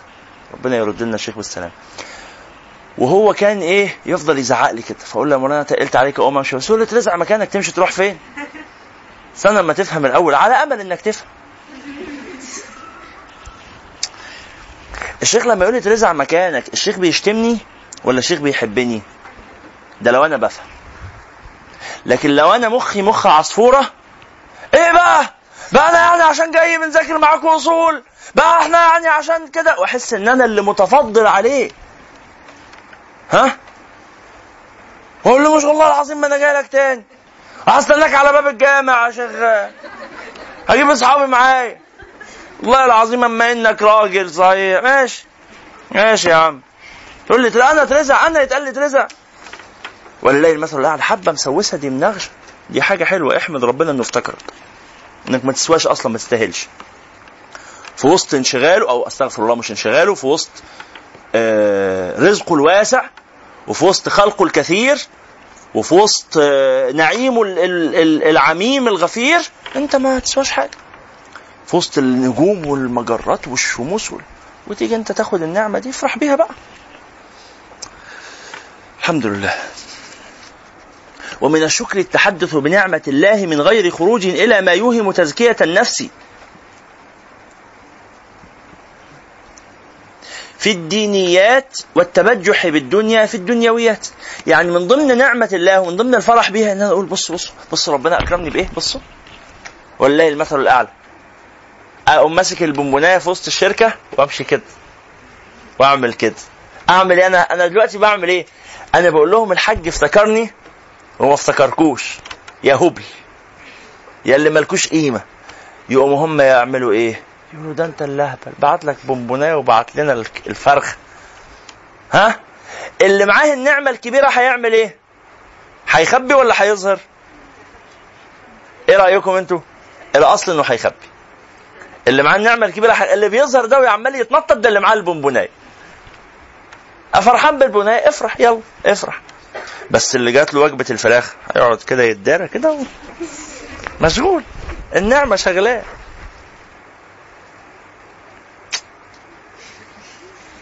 الحمد لله. فاحنا بنتكلم كتير. الحمد لله على النعمة. بس إيه؟ حقيقة النعمة لا ما تتبجحش بيها. أنت فرحان بإنه جاب لك فاكرين بقى الايه الواد اللي بيشتغل في الخليج ويقوم باعت لأمه جلابية. كان زمان كده في الثمانينات والتسعينات أظن بطل الكلام ده. كان يبعت لها مثلا عباية جديدة ولا يبعت لها مروحة تقوم تنادي على صاحباتها وجاراتها والناس اللي في المنطقة تعالوا شوفوا ابني بعت لي إيه؟ وتقعد تفرجهم و... هي بتعمل إيه هنا؟ هي فرحانة بابنها. إن ربنا كرم والحمد لله وتخرج واستوظف وشغال في الخليج وعمال ولا حتى شغال هنا ولا شغال في أي حتة وقام جاب لها هدية. تقوم هي تقعد تلبسها كده وتتعايق بيها وتظهرها لإيه؟ لأصحابها وجاراتها والناس اللي إيه؟ اللي تعرفهم. تعالى يا أم فاروق تعالى يا أم إبراهيم. بصوا لإيه؟ الجلابية ولا العباية اللي جايبها لي. ابن الدكتور عبد السلام. فيبقى ده أنا بظهر النعمة مش عشان اؤذي قلوب الآخرين. أنا بظهر النعمه عشان إيه؟ عشان أفرح بابني ولله المثل الاعلى بس أمي أو أمه ده الراجل المحترم ده اللي شغال في الخليج وبيبعت لأمه جلابية تفرح بيها. أمه ست محترمة هي كمان وعارفة إنها مش هتنادي على أم حسين لأن حسين الله يرحمه مات. فهي لو نادت على أم حسين تقول لها تعالي بصي ابني الدكتور عبد السلام بعت لي إيه؟ هيجرح قلب أم حسين. هيجرح قلب أم حسين. تقوم قايلة تقوم تعمل حاجة تانية. تقوم مناديه على أم حسين تقول لها خدي تعالي. شوفي ابن الدكتور عبد السلام بعت لك إيه؟ بعت لك أنت. ولا تقول لها شوفي ابنك الدكتور عبد السلام بعت لك إيه؟ ها؟ ده أنت اللي ربيتيه. ده أنا مش أمه ده أنا ده أنا مجرد ولدته بس. ده أنت اللي ربيتيه. فتحسسها بإنه إيه؟ إن ربنا أخذ منها حسين وعوضها بعبد السلام. إن ربك بيوصل من حتة ويقطع من حتة. إن الحمد لله راح ابني بس بقى عندي أخت وواد. أي نعم الضنا غالي ولا يتعوضش بس أهو قضى أخف من قضى. فهمتوا المعنى؟ مش فاهمينه مش لازم. ده رزق الفهم رزق. فهم رزق. ربنا يرزقنا. فنحمد الله على النعمة إن إحنا بنفهم ونحمد الله على النعمة إن إحنا برضه ساعات ما بنفهمش. آه الحمد لله على النعمة. هتقول لي إيه علاقة التزكية بجلبية أم فاروق وأم سامح وأم حسين ولا حاجة خلاص بنحكي حواديت بنحكي حواديت. اللي عايز يفهم منها حاجة يبقى ربنا باعت له رسالة اللي ما فهمش خلاص الرسالة مش ليه. ومن الشكر التحدث بنعمة الله من غير خروج إلى ما يوهم تزكية النفس. مش لحظة يا جهاد لو. مش هقول آه، آه، تربيتي لابني اللي عملت. لا ده الواد هو اللي جدع. مش عشان أنا ربيته. فاهم مش عشان أنا كريم فربنا أكرمني. فيقول يقول ربي أكرمن. ها؟ لا ده عشان هو اللي كريم سبحانه وتعالى. ما إلى ما يوهم تزكية النفس في الدينيات والتبجح بالدنيا في الدنيويات والأعمال بالنيات. والخير كله في الاقتداء بالسلف الصالح في جميع الحالات. والله تعالى أعلى وأعلم. ثم قال فصل. وعليك بالزهد. طبعا وإحنا المفروض نخلص الكتاب النهارده. ولكن الكتاب واضح ان ربنا سبحانه وتعالى مبارك فيها ومبارك فيكم ومبارك في جمعكم ومبارك في صحبتكم ومبارك في نيتكم ومبارك في إخلاصكم ومبارك في عملكم. فربنا يبارك فيكم ويطرح في ذريتكم البركة والإخلاص والقبول يا رب. ويحبكم ويحبب فيكم خلقه وينشر لكم القبول في الأرض. ويحميكم ويحفظكم ويأمنكم ويشبعكم ويعقلكم ويفهمكم ويرزقنا وإياكم اللمة والونس في الخير ويبارك في الآباء والأمهات والإخوة والأخوات ويرضى عن كل من أحبنا فيه وأحببناه فيه ويبهج قلوبنا وقلوب الحاضرين وأحبابهم ويرضينا. آمين. حاسس إن أنا جدتكم كده الموضوع قلب كده يعني مش دعاء باللي بيقولوه بعد الخطبة. يعني قلب نينا بتدعي لنا. فيعني معلش اعذروني بس أنا حسيت إن فعلا عايز أقول لكم كده. طيب آه هو فعلا إحنا فاضل لنا 10 دقايق نقرأ فيهم الفصل ده كمان. نقرأ الفصل ده. بسم الله فصل وعليك بالزهد في الدنيا. آه هو ده بقى حالة الإيه؟ اللي مش فارق معاه حاجة بقى. آه، كله شبه بعضه يا عم.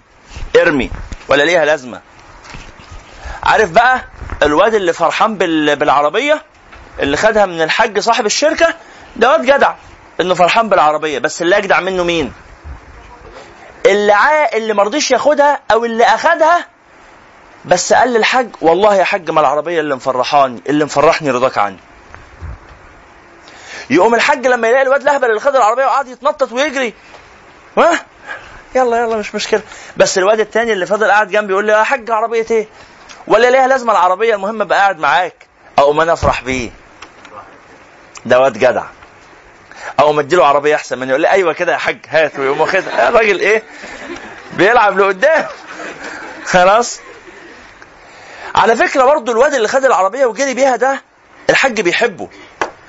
الحج بيحبه لأنه بيظهر نعمة الله عليه. لأنه بيستخدم العربية في رضا الحج وبيجيب له بيها مشاوير. هو واد كويس. بس الواد اللي أحلى منه اللي ممكن ياخد العربية عادي ويمشي بيها وكل حاجة بس العربية ما بتخلوش إيه عمال يلف طول النهار في الشوارع ويتفسح ويجي يزور الحج كل سنة مرة. والحاج يقول له كنت فين يا ابني؟ يقول له والله يا حاج كنت إيه واخد العربية وبعمل بيها مشاوير وبشتري بيها حاجات من السوق. الحاج هنا يتضايق. بقى ده جزائي يا ابني. إن اديتك العربية أصبحت العربية دي إيه؟ ملهية. صرفتك. بعد ما كنت مبسوط أنا اديتك العربية ليه؟ عشان واد دمك خفيف كده ولما بتقعد معايا بتبسط بقعدتك. فاديتك العربية عشان بحبك. تقوم أنت تعاقبني وتسيبني وتمشي أنا زعلان منك. ولذلك النبي عليه الصلاة والسلام يقول إيه؟ يقول ازهد في الدنيا يحبك الله. وازهد فيما في أيدي الناس يحبك الناس. الناس ما بيحبوش اللي ياخد منهم. الناس بيحبوا اللي يديهم. وانت مش هتعرف تديهم جميعا كل ما يريدون لأن الناس عندها طموحات كتير. دايما كده يا جماعة. دايما طموحات الناس مننا كتيرة. فأنت لن تستطيع أن تعطي الناس ما يريدون. إنما تعمل إيه؟ تحاول. بقدر الإمكان إنك تديهم النبي صلى الله عليه وسلم قال إنكم لن تسعوا الناس بأموالكم. يا سلام لو انا ربنا يكرمني كده ويبقى عندي مليون جنيه ها واجي الدرس كل مرة وأنا جاي لكم وأقوم مدي لكل واحد فيكم 10 كتب هدية وظرف كده فيه 300 جنيه. كل محاضره يا سلام. الله. أيوه شوفوا. هو ده العبد اللي إيه؟ اللي اتنطط بالعربية. أنا ما أعرفش مين يعني عشان ما يبقاش الكلام موجه لحد. ربنا يحفظه. هو ده اللي لما الحاج يقول له هديك عربية؟ أيوه بقى ويتبسط. إنما الواد التاني الجدع اللي يقول له أنا مش فارق معايا العربية يا حاج أنا فارق معايا لمتنا الحلوه فهمتوا المعنى؟ وبرضه يعني ما فيش مانع يا حاج برضه يعني إيه؟ من العربية. ما فيش مانع. قوم لما يبقى كده الله سبحانه وتعالى يكرمه بالمزيد. ولئن شكرتم ولئن كفرتم إن عذابي لش نسأل الله السلامة نسأل الله السلامة وعليك بالزهد في الدنيا فإنه بشير السعادة. بشير السعادة ليه؟ لأن الأشياء تفقد قيمتها بالنسبة لك. فلما تفقد الأشياء قيمتها قوم قلبك ما يتعلقش بيها.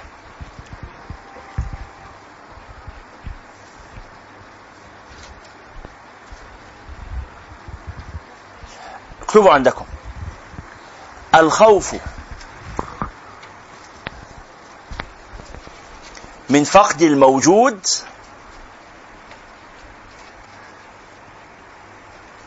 أعظم من الحزن على فقد المفقود. الخوف من فقد الموجود أعظم من الحزن على فقد المفقود الاثنين فيهم فقد بس أنا اللي بزعل عليه أنهي أكتر على اللي راح ولا على اللي في إيدي الاحسن يروح؟ اللي في إيدي الاحسن يروح. ولذلك لما يبقى اللي في إيدي الاحسن يروح ده يصغر قيمته بالنسبة لي طب ما يروح. هيجرى يعني. هفتقر ما يجراش أنا إن عشت تذكرون هذا كلام الإمام الشافعي. أنا إن عشت لست اعدم وقوتا حاجز مش هلاقي أكل يعني؟ أكل كتير. خد بالك هو قال قوتا ما قالش وجبات سخنة. قوت يعني إيه؟ يعني لقمة عيش. أكل يعيشني مش آكل اللذائذ اللي بحبها. طبعا أنا لو عشت عادي لو افتقرت ممكن يجي لي وقت من الأوقات ما أقدرش آكل الحاجات الحلوة. ما أقدرش أشتري حلويات ما أقدرش أشتري لحمة ما أقدرش أشتري فيه ما أقدرش أشتري حتى فاكهة. ما أقدرش أشتري حتى مربى وحلاوة وفول ممكن. لكن هل ممكن في أي لحظة من لحظات الحياة مهما كنت فقير ما أقدرش أوصل لرغيف عيش اكله مهما كان الفقر لو رحت للراجل محل الخب... الخبز دي حقيقة. في زماننا ده وفي بلدنا دي الزمان العجيب اللي إحنا فيه والبلد العجيبة اللي إحنا فيها ربنا يكملها بالستر من عنده يا رب. ومع ذلك لا لو أي حد راح لمخبز العيش وقال له لو سمحت أنا عايز رغيف عيش هيديله فورا بلا تفكير يعني. وراجل حتى صاحب المخبز مش هي إيه؟ مش هيحس إن هو يعني عمل حاجة يعني. يعني الناس بتوع أصحاب الحرف عادة مسألة الإنفاق دي عندهم بتبقى سهلة قوي. بالذات مما تحت أيديهم في صناعتهم. لو خد عادي أصلا طول ما أنا بشتغل معرض إنه إيه أي رغيف يبوظ يتحرق يترمي فسهل أنا عندي هدر فانا حضرتك ده بص عايز رغيف؟ لا يا عم خد خمس رغيف أهو ويقوم عبيه له في كيس. مع السلامة. وتلقائيا وتلاقيه مكمل شغله وما ركزش في الموضوع. خلاص؟ فهتعرف تلاقي لقمة. أنا إن عشت واحد صاحبك تقول له والله يعني تميل عليه كده أنا بس كنت عايز بس عايز ده بيتكلم على إيه؟ القوت مش وإذا مت لست أعدم قبرا هيلاقوا حتة يدفنوني فيها يعني المقابر كتير. مقابر الصدقة وحي حفرة في الأرض يحفروا ويحطوني. فأنا مش محتاج اخطط قوي يعني. بعمل على قد ما بقدر بس قلبي إيه؟ لا يجزع. وبعدين يقول إيه؟ هل أخد بالك من حاجة؟ مش معنى كلامه ده إن هو متكاسل ونايم في البيت. لا. يقول أنا إن عشت لست اعدم قوته يعني ما حدش هيذلني ما حدش هيستعبدني. وإذا مت لست اعدم قبره همتي همة الملوك ونفسي نفس حر ترى المذلة كفرا. بيقول أنا اللي يخليني أستحمل القوت القليل قوي. وادفن في أي حتة وما يبقاش ليا ذكر وبتاع اللي أستحمل ده إيه؟ إن أنا عزيز النفس. مش كانوا يقولوا الموت ولا المذلة؟ الموت ولا المذلة؟ أنا عزيز النفس. همتي همة الملوك. ونفسي نفس حر ترى المذلة كفر. ولذلك تذكرون قول سفيان الثوري لما قال من شبع تذكرون هذا؟ لما قال من شبع بالخبز والملح والملح فقط. لم يستعبده أحد. قلنا هذا. قلنا هذا أذكر جيدا قلنا هذا ربما في المحاضرة السابعة أو الثامنة لما تحدثنا عن ترك أكل آه، الأكل من فضول الطعام. عدم الإسراف في الطعام والاقتصاد في الأكل ونحوه فقال من أكل الخبز من شبع بالخبز والملح فقط لم يستعبده أحد. ليه يصبح ما عندوش ما قاعدة. اكتبوها ما قلناش قبل كده. أذل الحرص أعناق الرجال. أذل الحرص اعناق الرجال. مش ممكن بني يكون كده كده؟ يلاقي نفسه بيرجع تاني؟ ممكن طبعا. ممكن. ممكن طبعا. ممكن طبعا. نفوس البشر متقلبة طبعا. أذل الحرص اعناق الرجال. الحرص يخليك ذليل. لكن لما تبقى مش حريص ولا فرق معايا حاجة نعم في حديث كده كنت مرة سمعته بس مش فاكرة مصدر ان الله بيغار على العبد المؤمن آه، قلب العبد المؤمن نعم ده- ده معناه ان أنا أصلا لو اتعلقت بحد زيادة عن اللزوم ربما الله سبحانه وتعالى يحرمني منه. نعم. نعم. نعم. نسأل الله السلامة. قال وعليك بالزهد في الدنيا فإنه بشير السعادة ومظهر العناية وعنوان الولاية وكما أن حب الدنيا رأس كل خطيئة. ده حديث النبي عليه الصلاة والسلام حب الدنيا رأس كل خطيئة. حديث غير صحيح. كذلك يكون بغضها رأس كل طاعة وحسنة. ويكفيك مزهدا في الدنيا أن الله تعالى سماها في عدة مواضع من كتابه العزيز متاع الغرور. نعم. وإحنا المفروض ما ندعيش غرور أو اللهم لا تعلق قلبي بما ليس لي ولكن نقدر نقول لا تعلق قلبي الا بك جا- هذا جائز وهذا جائز. كلاهما جائز.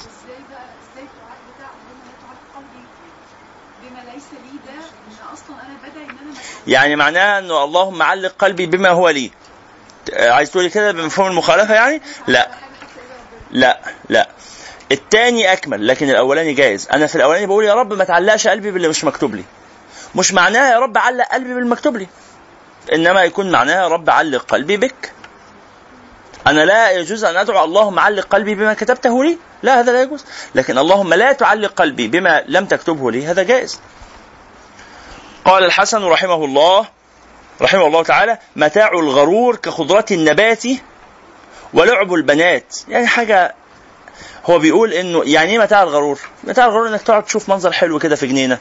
إن آه، بنات صغيرين كده عمالين يتنططوا شقاوه بتاع حاجات بتزول بسرعة يعني. آخرها تقعد قد إيه؟ بتزول. وقال الشيخ أبو طالب المكي رحمه الله تعالى متاع الغرور اسم للجيفة المنتنة. وقد حصر الله تعالى الدنيا في اللهو واللعب اللذين لا يلتفت إليهما عاقل ولا يعرج عليهما إلا كل غبي جاهل. اللي يعيش حياته كلها لعب وهبل وبتاع. إيه ده؟ إيه إيه السفاهة دي؟ وما الحياة الدنيا إلا لعب ولهو فاللي مشغول بالدنيا مشغول بالهبل يعني. مقضي حياته كلها يجري ويتنطط. الناس الكبار ما بيعملوش كده. ممكن نعمل ده شوية من يومنا شوية من مش من يومنا كمان. ده إحنا لحظات الهبل دي يا جماعة. بيعملوها الكبار صح؟ بس يعملوها الكبار إمتى؟ كل عيد كل أسبوعين ثلاثة دول يعني لما يبقوا في غاية السعادة بقى. يعني الأسرة اللي في غاية السعادة هي اللي تقعد تعمل مسابقات ولعب وهزار وبتاع لما يبقوا خارجين ومتجمعين مع بعض مثلا كل أسبوعين ولا ولا حتى كل أسبوع أقصى حاجة. لكن كل يوم طول النهار مقضينا مسابقات. قاعدين العيلة كاملة الأب والأم والأولاد قاعدين يلعبوا بنك الحظ طول الأسبوع طول السنة بنك الحظ. إيه ده؟ كفاية بقى ده أنتوا عيلة مملة. مش كده ولا إيه؟ رغم إن إنك لو بصيت عليهم في لحظة واحدة تحس ما شاء الله عيلة سعيدة متكاتفة. عيلة سعيدة. بس عيلة سعيدة لما تكون بتعمل ده ربع ساعة كل فترة. لكن مقضينها من أول ما يصحوا والأب إيه يصحى بعنف كده يزعق يلا يا ابني ده هو دول هيفوتنا. ويصحوا الزوجة ويصحوا الأولاد ويقعدوا كلهم محتشدين عشان نلعب بينج بونج. عيلة مملة يعني خلاص. متاع الغرور. واعلم أن الزهد في الدنيا لأهله نعيم عاجل. ولا يستطيعه إلا من شرح الله صدره بإشراق أنوار المعرفة واليقين. قال صلى الله عليه وعلى آله وصحبه وسلم إن النور إذا دخل القلب انشرح له وانفسح. قيل فهل لذلك من علامة؟ قال نعم. التجافي عن دار الغرور والإنابة إلى دار الخلود. هذه نور القلب. إن هو يزهد في الدنيا تبقى الدنيا ملهاش قيمة بالنسبة له. هذا نور القلب. وقال صلى الله عليه وعلى آله وصحبه وسلم الزهادة في الدنيا تريح القلب والبدن والرغبة في الدنيا تكثر الهم والحزن. وقال عليه الصلاة والسلام ازهد في الدنيا يحبك الله وازهد فيما عند الناس يحبك الناس. وأصل الزهد معرفة القلب بحقارة الدنيا وخستها أنتوا خدوا واخدين بالكم من الشيخ ان في كل موضع يقول لي ما أصله؟ وما ثمرته؟ ها؟ ما أصله وما غايته؟ يقول لي البداية بتاعته إيه؟ أهي.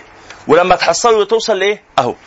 فهنا قال وأصل الزهد معرفة القلب بحقارة الدنيا وخستها وأنها لو كانت تزن عند الله جناح بعوضة ما سقى الكافر منها شربة ماء وأنها ملعونة ملعون ما فيها إلا ما كان لله منها وأن من أخذ منها فوق ما يكفيه أخذ حتفه وهو لا يشعر وثمرة هذه المعرفة تعرفون موقف سيدنا عيسى مع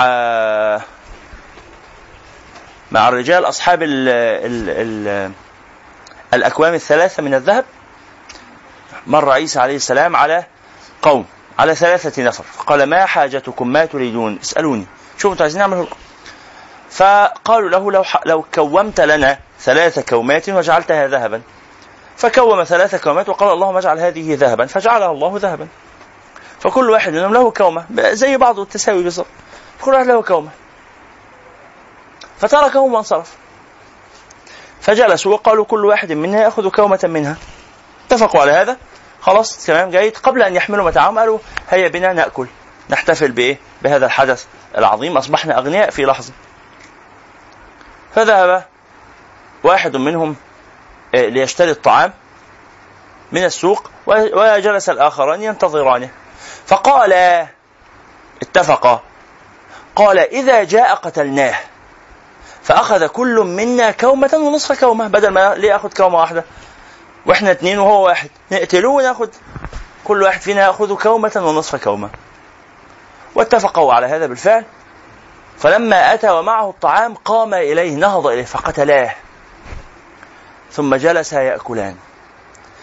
فبعدما أكل أحس بوجع شديد في البطن. فإذا هو قد وضع في الطعام سما.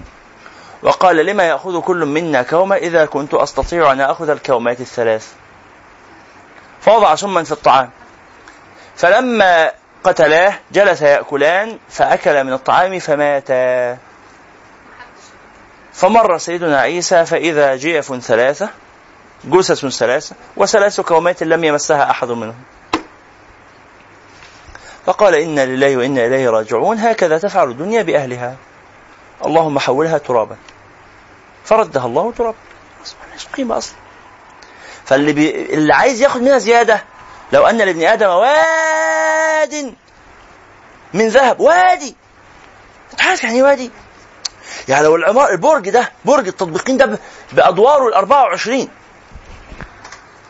لو تحولت كل غرفه إلى مخازن فيها ذهب هتقول طب أنا ليه ما أخدش البرج اللي جنبه وأكمل؟ ما بيشبعش الإنسان. لا يملأ فمه إلا التراب لما يموت بقى خلاص.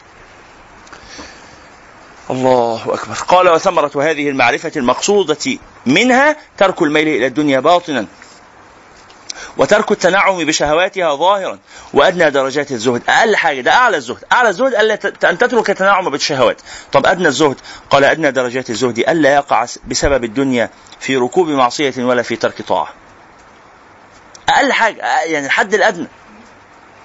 الحد الأدنى. ألا يقع بسبب الدنيا في ركوب معصية ولا في ترك طاعة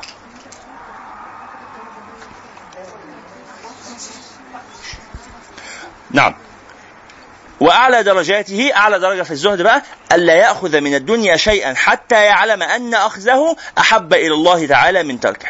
يا كل حاجة ياخذها يقول هو ربنا سبحانه وتعالى في الحاجة دي الأحسن الأفضل الأحب إليه سبحانه وتعالى. إن أنا اخدها ولا ما اخدهاش مثال الحج. ولله المثل الأعلى.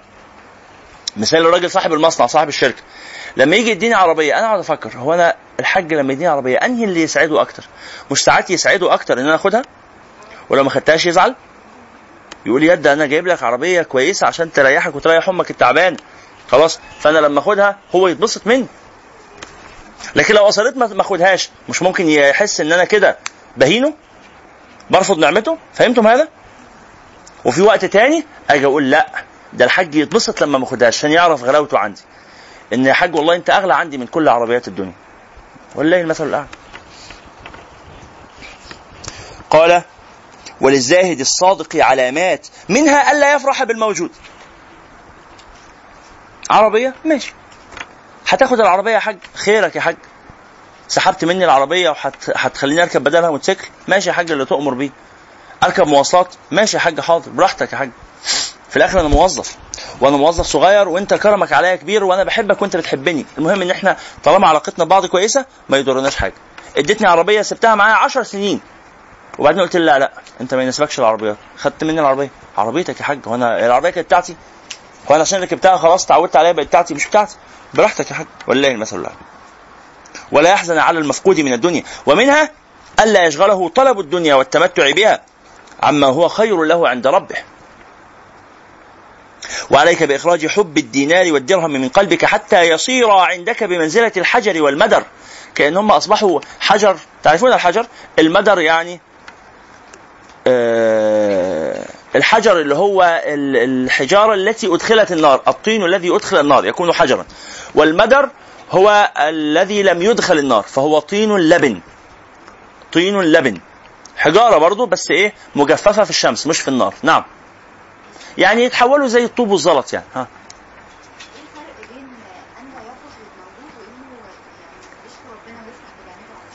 أفرح بنعمته عشان هي منه مش عشان هي حاجة. يعني أنا هفرح بالبونبوناية زي ما هفرح بالعربية بالظبط فهمتوا المعنى؟ لأن العربية والبونبوناية كلاهما يدلان على إن الحاج افتكرني ربنا يخليه لنا يا رب. ده بعت لي بونبونايه حلو قوي اتبسط وبعت لي عربية برضه حلو قوي هتبسط. الاثنين زي بعض. لكن لو حبيت العربية أكتر أنا حبي للحاج برضه مش مش ولا بد. ولله المثل الاعلى ولله المثل الاعلى طبعا طبعا. ولذلك ولذلك قال ولذلك إن ده قال ده غاية الأمر. ولذلك كان سيدنا النبي عليه الصلاه والسلام يجي له اكوام من الذهب اكوام شواله ويمسي وليس عنده منها شيء. فاكر الراجل الأعرابي لما جه وقال يا محمد أعطيني من مال الذي أعطاك فإنه ليس مالك ولا مال أبيك.